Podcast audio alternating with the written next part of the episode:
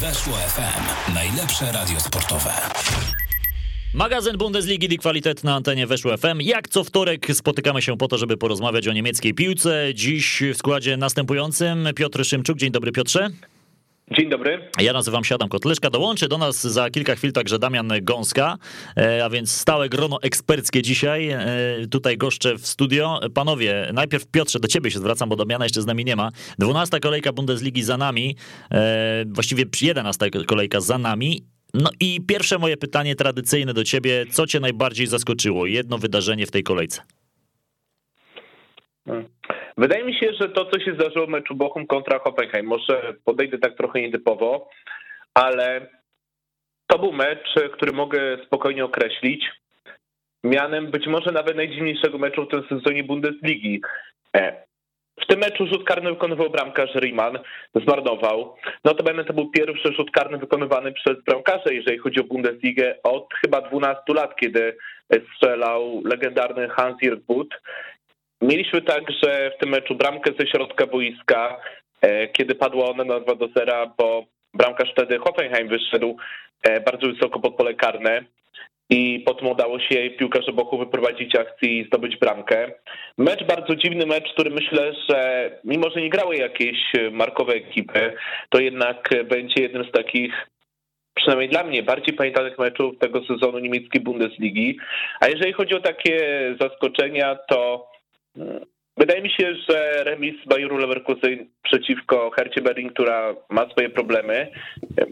Wydaje mi się także, że warto podkreślić to, i to jest informacja fatalna dla kibiców Borussii Dortmund, że kolejna porażka tego zespołu. I prawdopodobnie Borussia w tym momencie to jest ekipa, która już może coraz mocniej żegnać się z marzeniami o mistrzostwie. Mają co prawda cztery punkty straty do Bayernu, ale jednak ta gra jest słaba.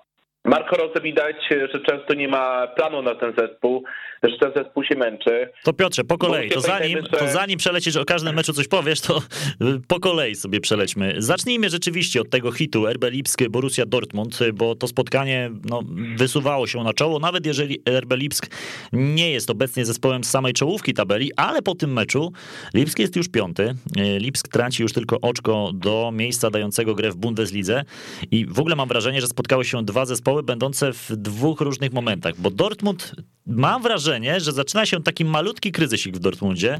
E, ten mecz z Ajaxem to pokazał, w ogóle dwumecz w Lidze Mistrzów z Ajaxem to pokazał, bo okej, okay, wygrywali w Bundeslidze, no ale grali ze słabszymi zespołami, Ingolstadt, Kolonia, bez jakiegoś szału wygrywali po 2-0.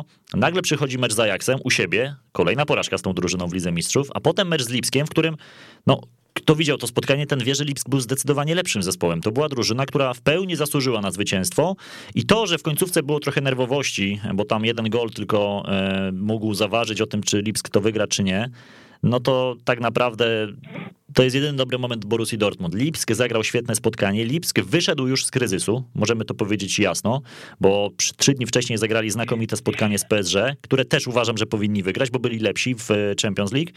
Trochę szkoda, że nie mają już szans na to, żeby wyjść z grupy w Lidze Mistrzów, bo mam wrażenie, że teraz mecze z Brugią, potem mecz jeszcze nawet City u siebie, E, no to to są mecze, które mogłyby im dać troszeczkę punktów. E, cztery oczka myślę, że tam byłyby realne, no ale nawet te cztery oczka już nie dadzą e, szans na wyjście z grupy. Natomiast w lidze to zobaczyliśmy zespół taki, jaki chcemy oglądać, grający ofensywnie, grający bardzo odważną piłkę, zarówno w meczu z PSG, jak i z Dortmundem.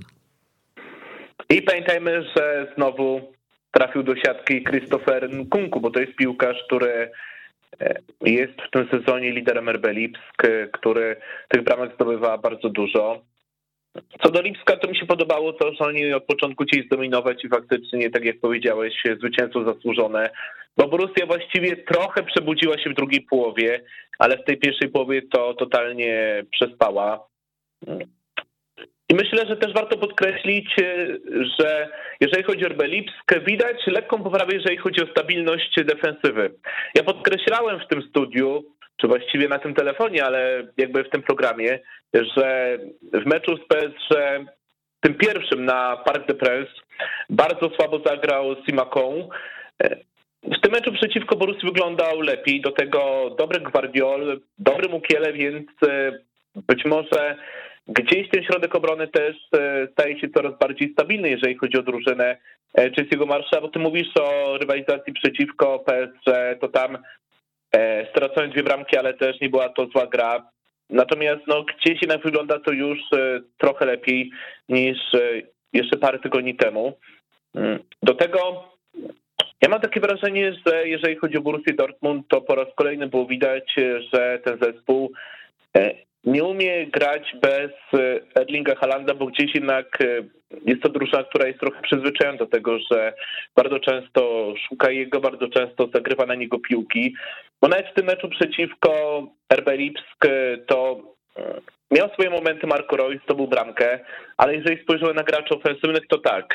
Donley Malen po raz kolejny fatalny występ Bardzo i w tym momencie. Występ. Bardzo słaby występ Donleya Malena i też chciałem się nad nim pochylić chwilę, bo e, wygląda na to, że Marco Rose chciałby na nim oprzeć ofensywę po stracie Erlinga Halanda, a to na razie nie jest zawodnik, który gwarantuje gol. On co prawda strzelił bramkę w Lidze Mistrzów, dał e, trzy punkty w meczu ze Sportingiem, natomiast cały czas mówimy o zawodniku, który w Bundeslidze jeszcze nie zdobył gola, a zagrał 11 razy, więc zagrał w każdym meczu tego sezonu, 8 razy aż wychodził w pierwszym składzie. I gdzie jest problem Doneja Malena, e, zawodnika, który przecież strzela w reprezentacji Holandii, strzela w Lidze Mistrzów, no a w Bundeslidze cały czas bez gola. No ale zauważ, że gdzieś on jednak, mam wrażenie, że miał przejąć tę rolę pod nieobecność Holanda właśnie Norwega, tymczasem to jest piłkarz, e, który e, no, bardzo dobrze czuje się na boku boiska i może akcję rozprowadzić. A mam wrażenie, że robienie z jego napastnika to jednak jest e, takie troszeczkę wyrządzanie mu krzywdy, bo, bo nie czuł się dobrze i to było widać i ja myślę, że problem jest po prostu w tym systemie Marco Rose. W ogóle jeżeli chodzi o ofensywę, to też e, słabiutki Brand, chociaż nie aż tak słaby jak e, Malen, ale nie był to mecz wybitny. Bez iskry także John Bellingham.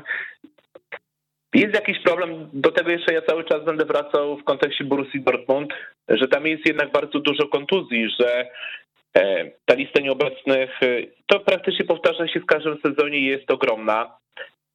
I to nie jest przypadek, bo tak się działo za czasów poprzednich trenerów, więc ja myślę, że to nie jest przypadek. Mm, Borussia ma do tego w defensywie też fatalna liczba błędów, bo gdyby nie Kobel, to mogłoby się skończyć, mogło, skończyłoby się wyżej. Dlatego prawda jest taka, że dzisiaj po prostu nie funkcjonuje prawie nic, że bardzo słaba ofensywa, fatalna defensywa i tak to się musiało skończyć. I ja myślę, że to jest taki może trochę paradoks tego spotkania, ale Borussia i tak może być zadowolona z tego, że nie skończyło się wyżej, że tylko jeden do dwóch, że gdzieś na papierze ten wynik wygląda aż tak strasznie jak sama gra. Z taką grą Borussia w tym sezonie nic nie zrobi. Ta sytuacja w Lidze Mistrzów też nie jest taka dosyć łatwa, bo oni przegrali dwa mecze z Ajaxem i w tym drugim meczu było też widać tak mniej więcej gdzieś w drugiej połowie, że oni trochę padają fizycznie, że Ajax Amsterdam już w drugiej połowie totalnie potrafił Borussię zdominować, więc e, tutaj być może też jakieś błędy w przygotowaniu trenera Marco Rose. Ale wracam do grupy Borussii Dortmund, bo to jest grupa cel, gdzie w tym momencie Ajax e, ma 12 punktów. Tak, tak, drużyna z Amsterdamu wszystkie mecze wygrała. E, Borussia ma samo punktów co Sporting i bardzo ważny będzie mecz e, w tej parze, który jeszcze będzie tej jesieni. Wydaje mi się, że w kolejce numer 5, ale tego nie jestem pewny. Tak, w kolejce numer 5, bo pierwsza kolejka to był mecz Besiktas-Borussia, czyli E, jakby rewanż w tym meczu będzie w szóstej kolejce. Dlatego kolejna kolejka to będzie walka o wszystko, jeżeli chodzi o Ligę Mistrzów dla Borussii. Ekipa z Dortmundu zagra na wiosnę w pucharach, dlatego że jest fatalny Besiktas, e, ale myślę, że ewentualna Liga Europy to będzie marne pocieszenie. Bardzo marne pocieszenie, bo też nie ukrywajmy, że trener Rosy przechodził do Borussii po to, żeby ten zespół podnieść e, półkę wyżej. Natomiast na razie Borussia to jest taka trochę stagnacja i taka bardzo duża niejakość. Na razie źle to wygląda, jeżeli chodzi o Dortmund. Mają teraz chwilę przerwy na reprezentację. Mm, oczywiście spora liczba piłkarzy też wyjedzie e, na zgrupowania swoich e, reprezentacji, więc to też nie będzie tak, że Marco Rose ma duży komfort pracy. No ale będzie trzeba pomyśleć, jak zaradzić temu, żeby ten no żeby ten konflikt się nie, inaczej, żeby ten regres nie przerodził się po prostu w spadek formy na dłużej. Hit więc dla Lipska, Lipsk goni czołówkę, myślę, że tutaj jeszcze na pewno zespół Jesse'ego Marsza ostatniego słowa w Bundeslidze nie powiedział i będzie jednak walczył do końca o Ligę Mistrzów. E, przechodzimy sobie do meczów kolejnych. Najpierw w piątek Mainz zagrało z Borussią Mönchengladbach 1 do 1. Borussia Mönchengladbach mm, to jest taki dosyć ciekawy zespół, mam wrażenie, w tym sezonie, bo ciężko e, przewidzieć, co oni zrobią. Potrafią wygrać z Bayernem 5 do 0, e, potem wygrywają z Bochum, no dużo słabszym zespołem oczywiście, ale też wygrywają, więc wszystko zmierza w dobrą stronę, aż nagle przychodzi mecz z Mainz, i już przełamać się nie potrafią, a była świetna okazja, żeby zrównać się punktami właśnie z ekipą z Moguncji. Ja myślę, że takim idealnym przykładem na to, że Borussia Dortmund to jest drużyna, która mm, potrafi grać z silnymi, bo może wtedy przede wszystkim kontratakować. To jest drużyna trochę chyba dzisiaj nowymiarowa, że to jest ekipa bardzo dobra w szybkim ataku, a już gorsza w ataku pozycyjnym. E, taki najlepszy przykład na to to był mecz z Bayernem, gdzie oni bardzo inteligentnie oddali pole Bayernowi, bo wiedzieli, że Bayern ma większą jakość, że nie ma sensu porywać się z motyką na słońce. Znakomicie kontrolowali, znakomicie potrafili wykorzystywać błędy w defensywie i to się sprawdziło. I wygrali bardzo pewnie. E, natomiast w meczu przeciwko Mainz to pamiętajmy, że oni prowadzili, a jeżeli chodzi o drużynę prowadzoną przez trenera Hitera, e, to też jednak bardzo dobry mecz Jana Somera po tej sytuacji Mainz e, miało trochę. Mainz wyglądało bardzo dobrze, bo to jest drużyna, która e, w czasie trwania tej jesieni też miała różne momenty, bo gdzieś jakby na środku, w środku rundy jesiennej był kryzys, a jednak ostatnie mecze wygrane i to były mecze wygrane gdzie z jednej strony była bardzo dobra gra przeciwko Augsburgowi, takie super wykorzystywanie błędów w defensywie. Był, mecz, był też mecz z Arminią, gdzie było minimalne zwycięstwo, ale Mainz w tym meczu przeciwko Borussii Mönchengladbach naprawdę zagrało nieźle. Więc ja myślę, że musi trochę cały czas trener Hitter pracować nad e, tym, żeby jednak umieć grać przeciwko drużynom słabszym, bo bo z tym jednak są problemy, jeżeli chodzi o taką konstrukcję ataków pozycyjnych.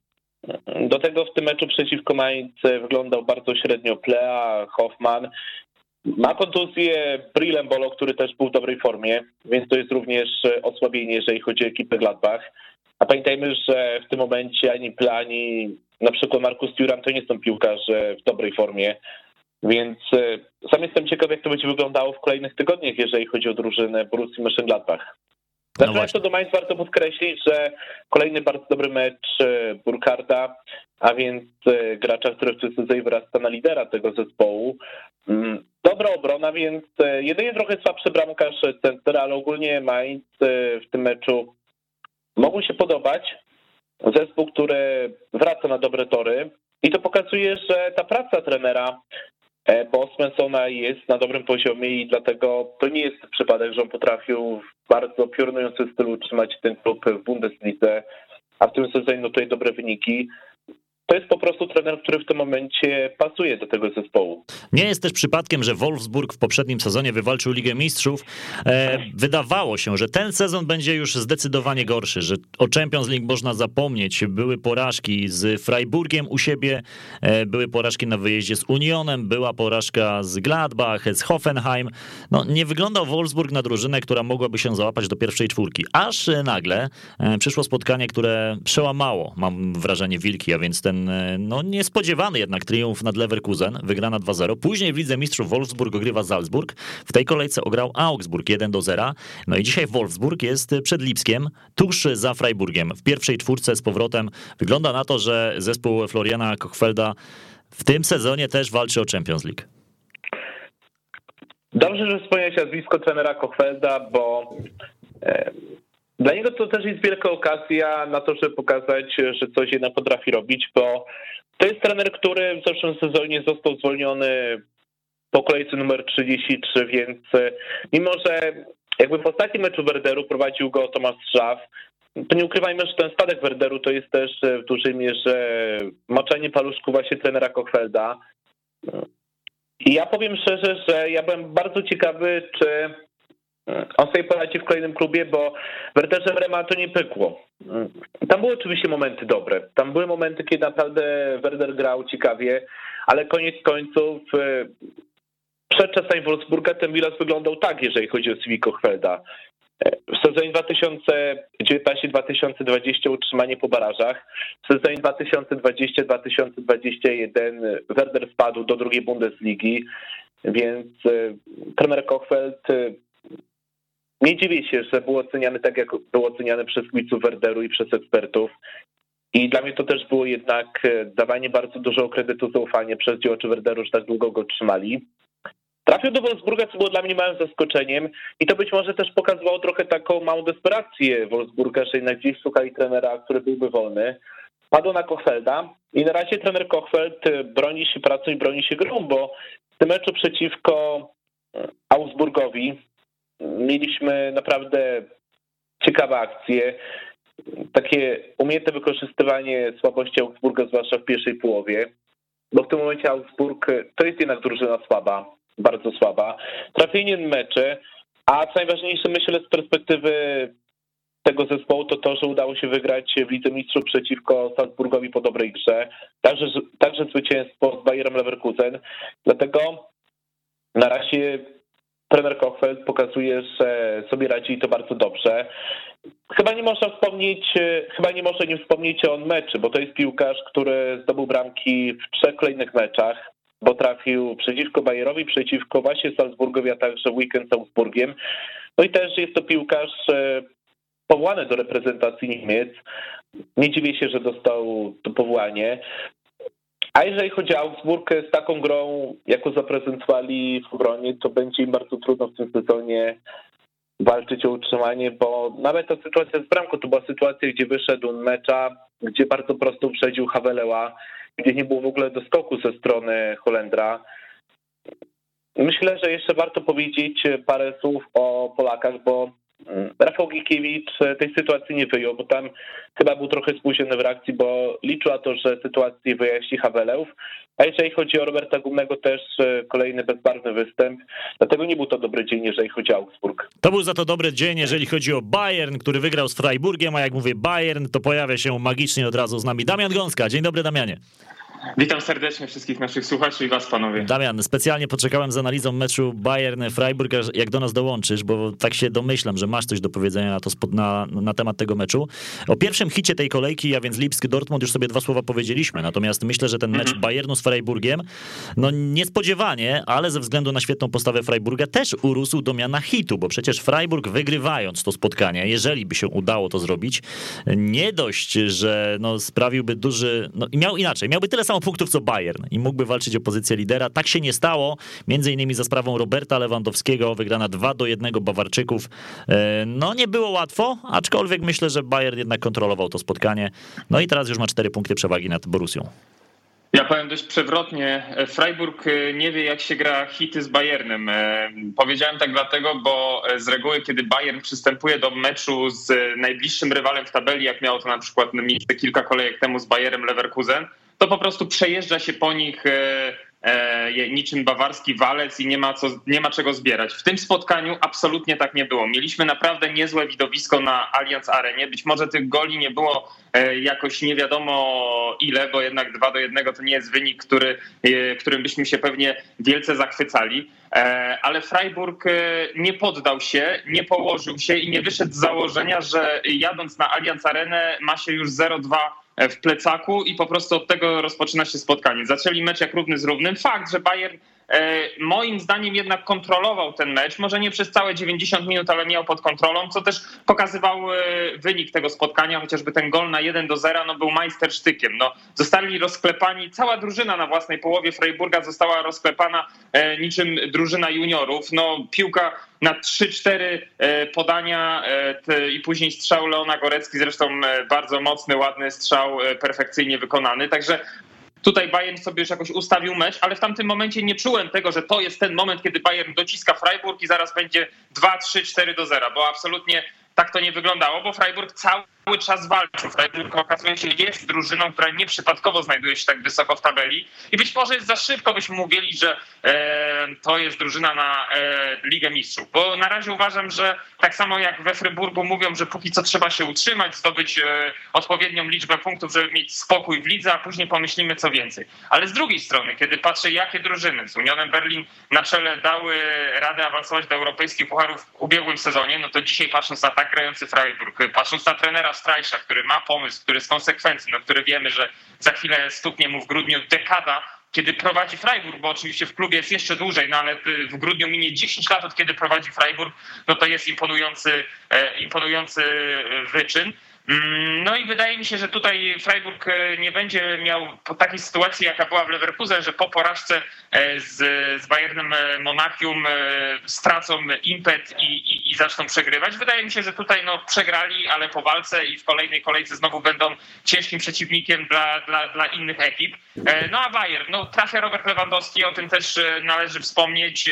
To jest bardzo ważne. Robert odjeżdża w klasyfikacji generalnej najlepszych strzelców swoim bezpośrednim konkurentom. No wiemy, że ci bezpośredni konkurenci nie grają, bo kontuzjowany jest Erling Haaland z Dortmundu i kontuzjowany jest Patrick Schick mm, z Leverkusen, więc no Robert ma tutaj pole do popisu, by tak naprawdę walczyć sam ze sobą, no bo e, miał fajnych rywali. Ja trochę żałuję, że, że, że ci piłkarze są kontuzjowani, bo oni z jednej strony no, rywalizują z tym naszym Robertem Lewandowskim, a z drugiej strony no, też dają tej lidze, napędzają tą ligę, a tak to y, może się znowu zrobić taka sytuacja, że to będzie liga jednej prędkości Bayern y, jeszcze przed świętami Bożego Narodzenia odjedzie całej, y, całej stawce, no bo już są cztery punkty, na początku grudnia mamy spotkanie bezpośrednie z Borusią, Dortmund, więc jeszcze ta przewaga będzie mogła być powiększona. No, zobaczymy, jak to się będzie układało. No, wy, wygląda na to, że Bayern po tej okropnej wtopie z Borussia Mönchengladbach w Pucharze Niemiec, no kiedy się totalnie skompromitował, no i już wrócił na te swoje tory, bo przecież mieliśmy zwycięstwa i ligowe, i zwycięstwa w Lidze Mistrzów, także myślę, że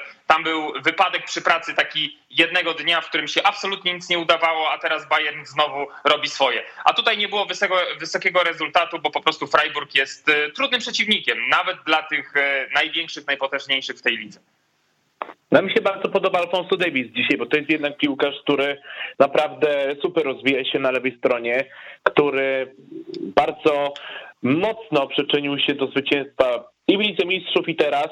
Znowu widać gdzieś te kapitalne rajdy, więc a miał swoje problemy zdrowotne i też były momenty, kiedy był w gorszej formie, a teraz wraca do wielkiej formy, więc brawa dla Kanadyjczyka. Brawa dla Lewandowskiego oczywiście za bramkę i też Wiecie co, za to zachowanie, bo tam jednak to była sytuacja trudna, bo to była mijanka, gdzie wszystko było robione na bardzo dużej dynamice. Ale Lewandowski znakomicie przytrzymał linię spolnego, więc pokazał, że jest napastnikiem wielkim. Damian wspomniał o tej odwadze Freiburga i to mi się też podobało we Freiburgu, że te akcje, które mieli, to były takie akcje bardzo odważne, że oni potrafili wejść kilkoma załonikami, zagrać do boku. Dobry mecz zagrał Günther, lewy obrońca, lewy wahadłowy. Więc e, wielkie brawa dla drużyny trenera Strajsia za to, że chcieli, za to, że postawili się, za to, że też mają dobry sezon i że w tym sezonie też kilku takich piłkarzy nieoczywistych wypłynęło, czy wpadło do świadomości, bo na przykład też Lotterbeck, to jest myślę takie jedno z większych odkryć tego sezonu Bundesligi, w dobrej formie Hüller, Także dobry sezon ma John, chociaż on zagrał sobie przeciwko Bayernowi. Też dobry mecz e, przeciwko Bayernowi Maxiego Egensteina, który miał również e, swoje problemy w trakcie kariery. Więc e, Freiburg to nie jest drużyna, która ma wielkie postacie, ale ma przede wszystkim drużynę, ma pomysł na grę i potrafi także postawić się Bayernowi, dlatego ta pozycja w tabeli to nie jest przypadek. To zdecydowanie nie jest przypadek. Freiburg zajmuje trzecią pozycję mimo tej porażki. No i cały czas jest w zasięgu Borussia Dortmund, tylko na jedno spotkanie dwa punkty więcej. Za plecami czają się wracające na dobre, mam wrażenie, tory Wolfsburg i ekipa Lipska. Stuttgart, Arminia, kolejne spotkanie, o jakim trzeba by powiedzieć, bo to jest mecz na szczycie dołu tabeli, tak go sobie nazwijmy. Arminia odjeżdża Greuther Fürth już na 7 punktów. Wygrywa bardzo ważne spotkanie z jej perspektywy. Co prawda, cały czas jest w strefie spadkowej, ale już do miejsca barażowego traci tylko jeden punkt, a do bezpiecznego ostatniego, które teraz zajmuje Stuttgart, tylko dwa oczka. Czy to jest jeszcze taki e, moment, kiedy Arminia zaczyna wierzyć, że pojawia się to światełko w tunelu, czy to taki łabędzi śpiew, takie zwycięstwo, które ostatecznie waszym zdaniem nic nie da, czy jednak będzie ta walka e, przedłużona o utrzymanie w lidze? Może być przedłużona sytuacja o walkę pozostanie w lidze, bo e, dużo, dużo spowodowane jest tym, że mm, tak beznadziejny jest Greuther Fürth, no bo ma jeden punkt po tych wszystkich 11 kolejkach, które zostały rozegrane, no i jesteśmy przekonani, że Greuther Fürth tak naprawdę już jest zdegradowany do drugiej Bundesligi, czyli zostaje jedno miejsce bezpośrednie spadkowe, no i te jedno miejsce barażowe, które no jakby nie patrzeć jeszcze daje tą ostatnią szansę dwumeczu, e, by o ten byt w pierwszej Bundeslidze powalczyć. No i to jest szansa dla takich ekip jak Arminia Bielefeld, no bo mm, gdyby stawka była inna, gdyby nie było tak beznadziejnego Greuter Fürth, które no już totalnie odstaje absolutnie od wszystkich, e, no to jednak te zagrożenie byłoby większe. A tak, tak zostaje de facto jedno tylko miejsce bezpośrednio zagrożone spadkiem, więc jakimś cudem, czasem szczęściem chociażby, czy tymi kilkoma punktami zdobytymi e, być może w tym spotkaniu w Stuttgarcie, wykorzystując no beznadziejną sytuację VfB, no te trzy punkty mogą być może w konsekwencji całego sezonu na wagę utrzymania. No nie wykluczam, że tak może się stać.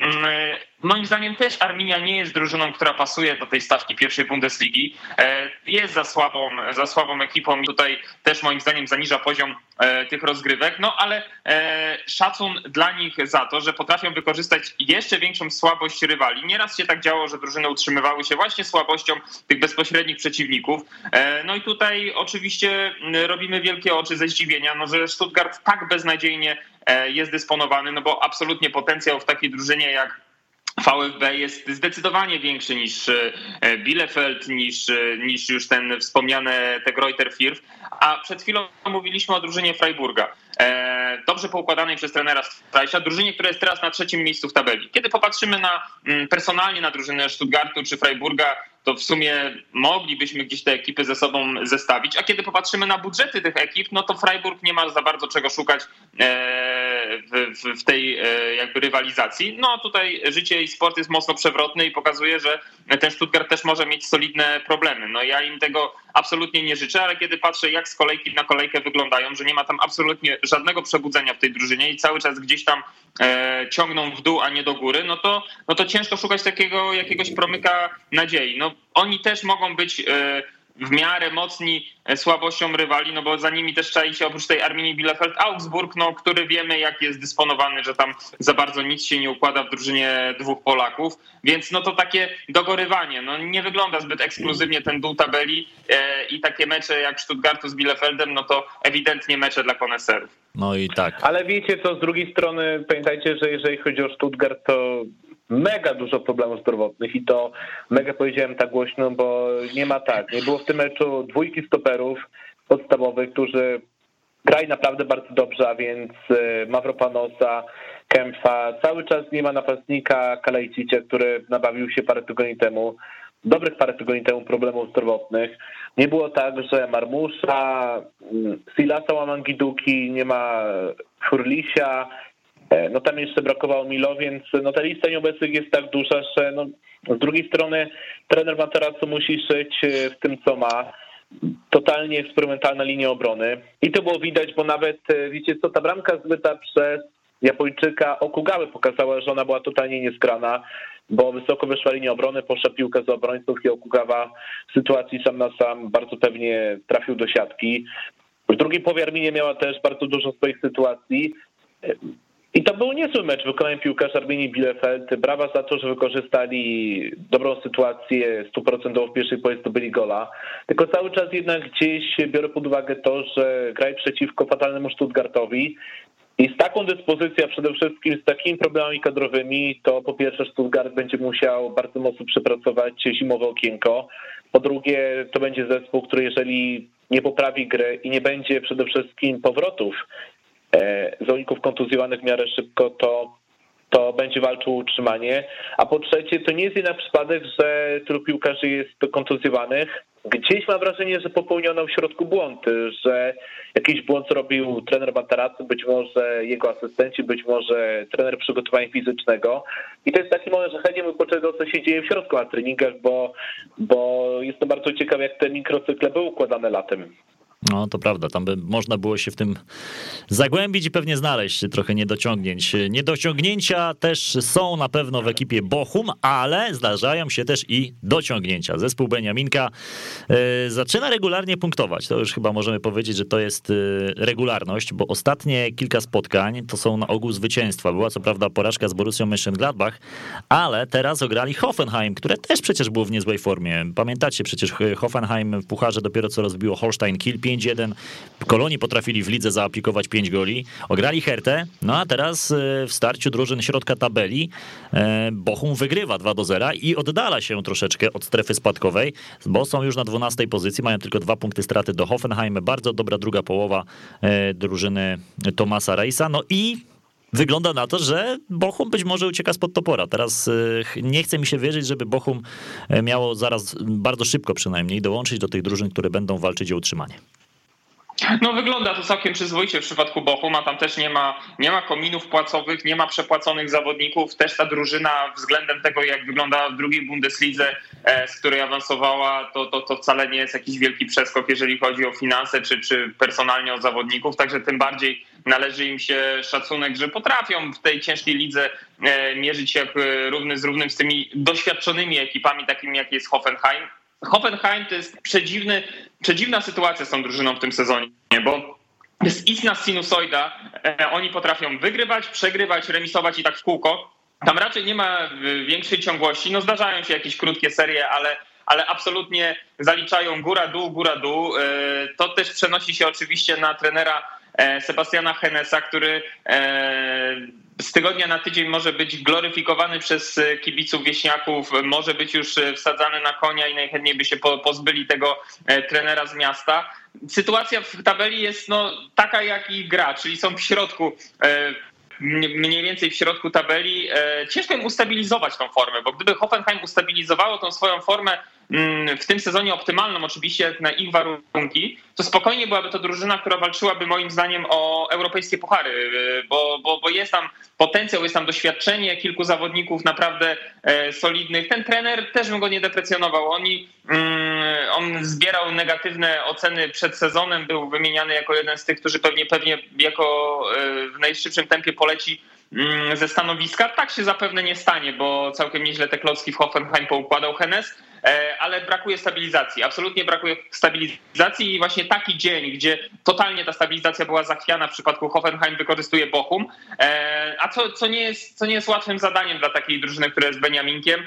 Chociaż często mówimy o tym, że ten drugi rok jest trudniejszy niż pierwszy, chociaż to różnie bywa. No, patrzymy na Greuter Firth, no i zobaczcie, te dwie ekipy równocześnie awansowały do pierwszej Bundesligi. No to są dwa piłkarskie światy. No, no Greuter Firth to każdy teraz powie, że to był jakiś totalny przypadek, że oni zagrali tak mocny sezon w drugiej Bundeslidze i awansowali e, do najwyższej klasy rozgrywkowej, a Bochum, a Bochum może być drużyną, która się utrzyma, biorąc pod uwagę ile punktów już mają, te 12 miejsce w tabeli, chociaż tam jest duży ścisk, e, no może sprawić, że że, że tak się stanie i tu się z tobą Adam zgodzę. Ja dzisiaj bym nie prorokował, że Bochum to będzie drużyna, która poleci, nawet bym nie mówił, że zajmie miejsce numer 16, bo wydaje mi się, że e, tam oprócz Greuter Fürth i Arminii e, może się znaleźć taka drużyna znowu z większym doświadczeniem, e, bo czy to będzie Stuttgart, czy to będzie Augsburg, no myślę, że nie Eintracht Frankfurt, bo tam myślę, że jednak coś drgnie, że znowu to będzie drużyna z większym doświadczeniem, z większą nazwą, e, z, z dłuższym stażem teraz e, w pierwszej Bundeslidze niż właśnie Bochum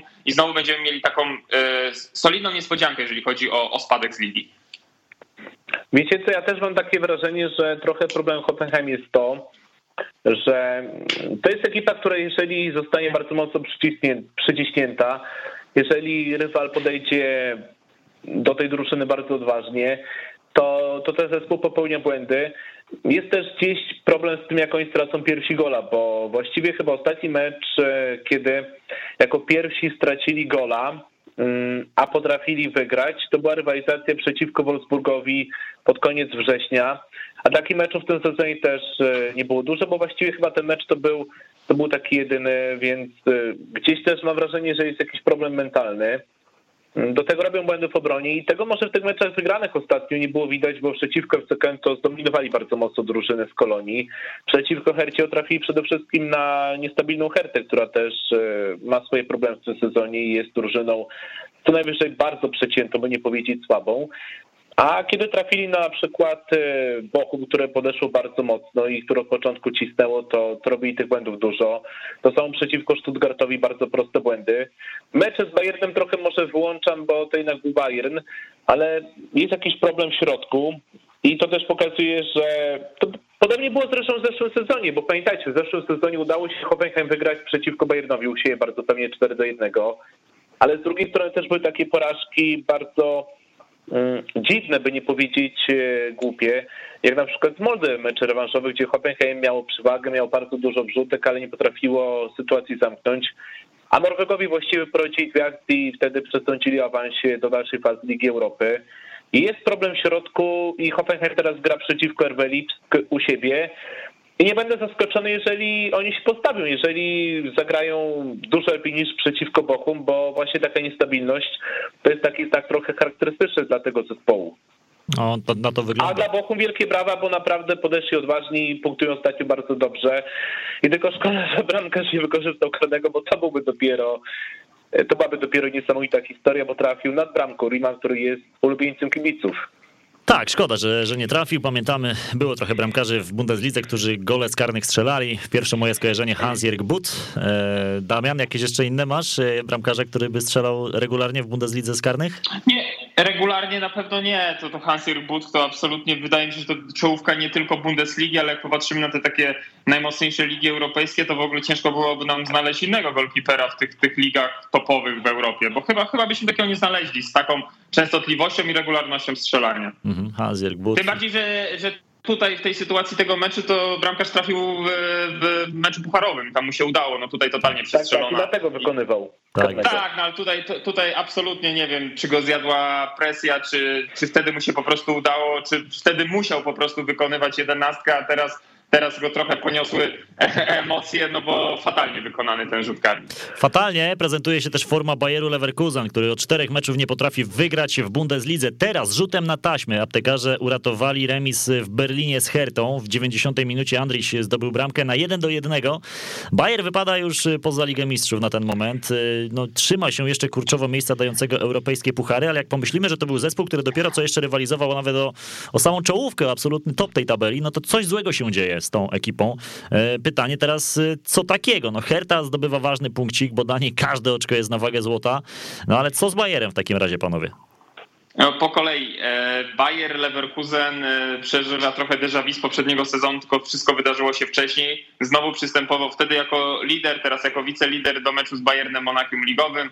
Od kiedy przegrał, to wszystko się posypało. No, nie do końca się posypało w Lidze Europy, na szczęście, bo mam nadzieję, że tam sobie w grupie poradzą i, i, i awansują do kolejnej e, fazy pucharowej tych rozgrywek. No ale skupiając się na lidze, to faktycznie Leverkusen ma spore problemy. Jest oczywiście też szpital e, u aptekarzy, jakby to nie brzmiało, e, no bo stracili Patryka Sika, nie ma Alario, nie ma mm, jeszcze kilka kontuzji, jeszcze kilka kontuzji w drużynie, więc no naprawdę trener Soane no, no ma niezły, niezły ból głowy i ten mecz w Berlinie E, no nie wyglądał też do zbyt e, ekskluzywnych. Oglądałem to spotkanie od deski do deski i co by nie mówić, ten remis wydawałoby się, że każdy punkt będzie na wagę złota dla Herty Berlin. No a jeżeli obejrzało się całe spotkanie, to fakty są takie, że Herta może sobie pluć w brodę, że nie utrzymała tego zwycięstwa i trzech punktów, e, bo bardziej moim zdaniem z przebiegu meczu zasługiwała. No tutaj końcówka zadecydowała o tym, że ten gol został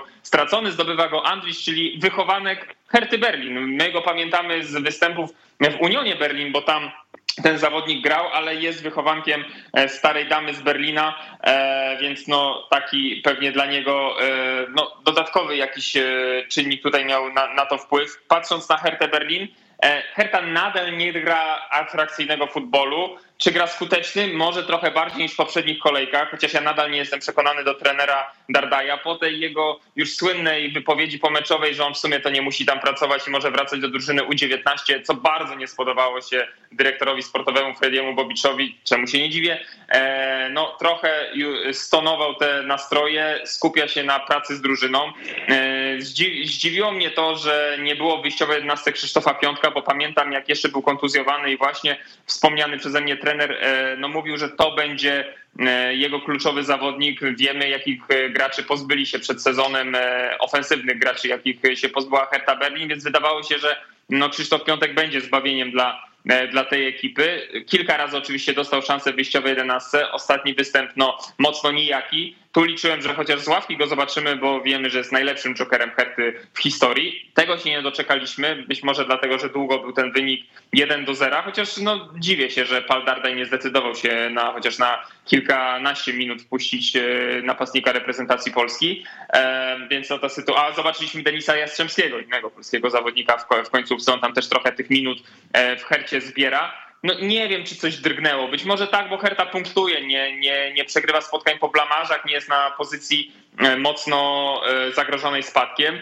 Ja tak cały czas się przyglądam Frediemu Bobiczowi, e, który moim zdaniem jest człowiekiem z pomysłem, bo, bo tu nie, nie wierzę w to, że po odejściu z Frankfurtu i przychodząc tutaj do Herty zatracił wszystkie swoje umiejętności. Wiem, że sytuacja jest niezwykle trudna. On marzy o innym trenerze, no ale jestem świadomy, że za bardzo na tym rynku trenerskim teraz wyboru nie ma i do tego też nawet jeśli jakiś trener jest bez kontraktu, no to nie za bardzo będzie się pchał do Herty Berlin, no bo to jest takie bardzo trudne wyzwanie. On tu nie, nie przychodziłby ktoś do drużyny pucharowej, tylko do drużyny, która ma aspiracje pucharowe, ale no sytuacja ligowa jest zupełnie inna. Ja wiem, że Freddy Bobic marzy o Niko Kowaczu, ale póki co on jest zatrudniony w Monako. Jeszcze kilka innych nazwisk się pojawia na, na, na tej giełdzie, ale wydaje mi się, że najszybciej ta zmiana będzie miała miejsce w tej krótkiej przerwie E, świąteczno-noworocznej, e, no bo być może wtedy będą jakieś roszady w innych klubach e, i, i Freddy Bobic ciężej popracuje i kogoś do tej pracy namówi, bo Paul Dardai nie wygląda na faceta, który z zaangażowaniem i pasją podchodzi do swojej pracy, tylko wygląda jak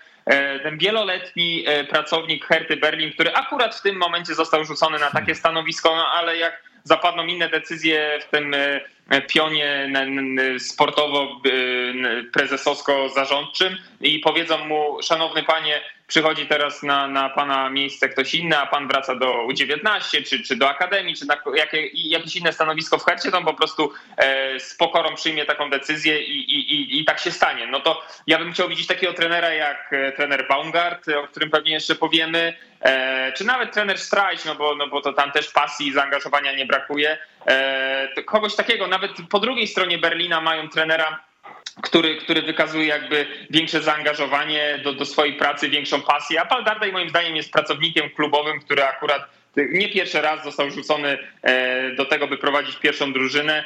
E, no brakuje tutaj, brakuje pomysłu, brakuje zaangażowania. Piłkarze są całkiem przyzwoici, bo, bo być może nie wybitni, ale całkiem przyzwoici. E, my patrzymy z tej naszej polskiej perspektywy, no i wygląda to naprawdę średnio. No zobaczcie, że na ławce jest Kevin Prince Boateng, no ale chyba traktowany jest już jako maskotka tego klubu. My wiemy, że akurat u niego miłości do Berlina nie brakuje, ale no... On ma dużo mm, no, miłości, on ma dużo miłości w sobie. On ma, on ma dużo miłości w sobie, pewnie do, do, do różnych rzeczy, w tym do Berlina, no ale e, to nie przekłada się w tym momencie na, na te występy czysto piłkarskie. Tych występów nie ma po prostu, on siedzi na ławce. To, że zmotywuje chłopaków i zrobi dobrą atmosferę, to oczywiście pewnie jest jakiś atut, no ale no nie tego się pewnie oczekiwało od zawodnika z takim nazwiskiem. No właśnie chodzi o to, że Boateng jest, y, tak jak Damian powiedział, głównie jako dzisiaj tylko taki trochę nieoficjalny asystent. O, Pala Dardaje, tak to może ujmę. Ja bym nie powiedział, że jeżeli chodzi o Herty, to oni są w jakiejś dobrej formie, bo przede wszystkim Bayer zagrał bardzo słabo i trochę kasus Bayeru to jest podobny kasus co VfB Stuttgart. Skoro nie ma się tylu piłkarzy ważnych, bo w tym meczu nie mogli zagrać tacy zawodnicy jak Arangis, Baumgartlinger, kontuzjowany już od dłuższego czasu. Nie było Patryka Schicka, Floriana Wirca i zagrożony jest bardzo mocno jego e, występ e, czy jego zgrupowanie e, w reprezentacji Niemiec. To, to też no, tej jakości po prostu brakowało. Więc ja uważam, że co do Herty to nie ma za bardzo co się podpalać tym punktem, mimo że to był mecz niezły wykonania Berlińczyków, bo ta forma jest jednak cały czas bardzo przeciętna. Zauważcie nawet, że Herta punktuje dzisiaj z kim? Punktowała z Frankfurt, który też ma swoje problemy i zagrał w tym meczu fatalnie w defensywie zapunktowała przeciwko Borussii Mönchengladbach, która to drużyna potrafi grać w ataku pozycyjnym.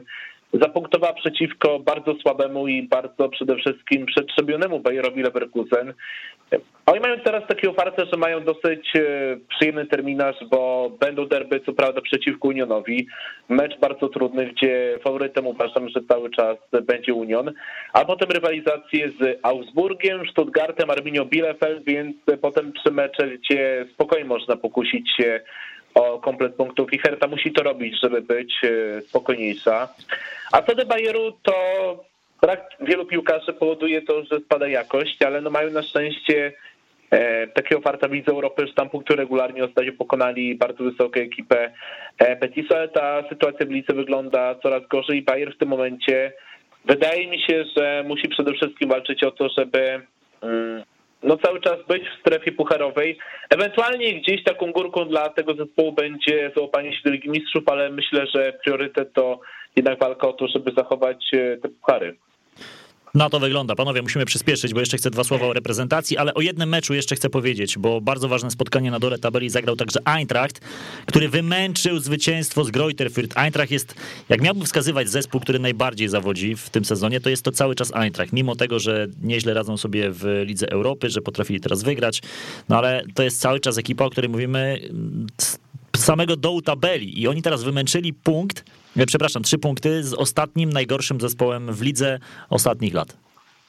E, gdyby, e, tak przewrotnie powiem, że gdyby była taka możliwość, to przyznałbym im, tak jak w siatkówce, nie trzy punkty za zwycięstwo, tak jak po tiebreaku przyznaje się też drużynie, która przegrała jeden punkt mimo, mimo porażki w meczu, bo Frankfurt wygrywa, ma te trzy punkty, ale męczyć się do ostatnich minut praktycznie z Greuter Firth, no to nie wypada takiej ekipie występującej w europejskich pucharach z takimi zawodnikami, z takim trenerem.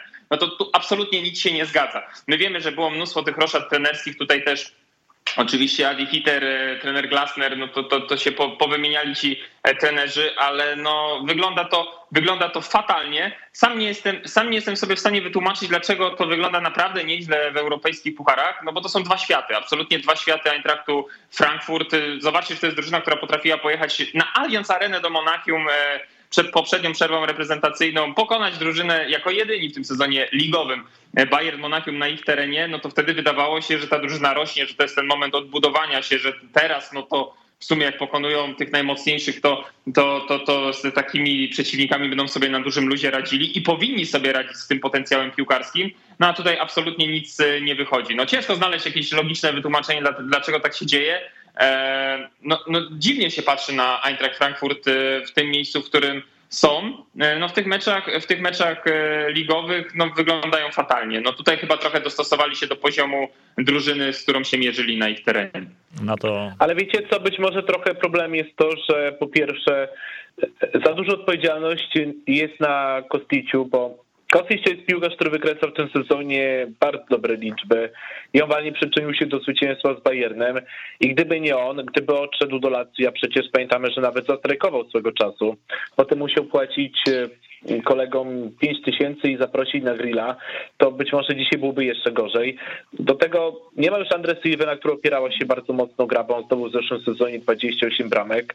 I ci piłkarze, którzy przyszli, którzy mieli go zastąpić, e, na razie po prostu nie dojeżdżają jakością, jak Lindström, jak e, Bore, chociaż Bore ostatnio w niedzielę zdobył bramkę zwycięską.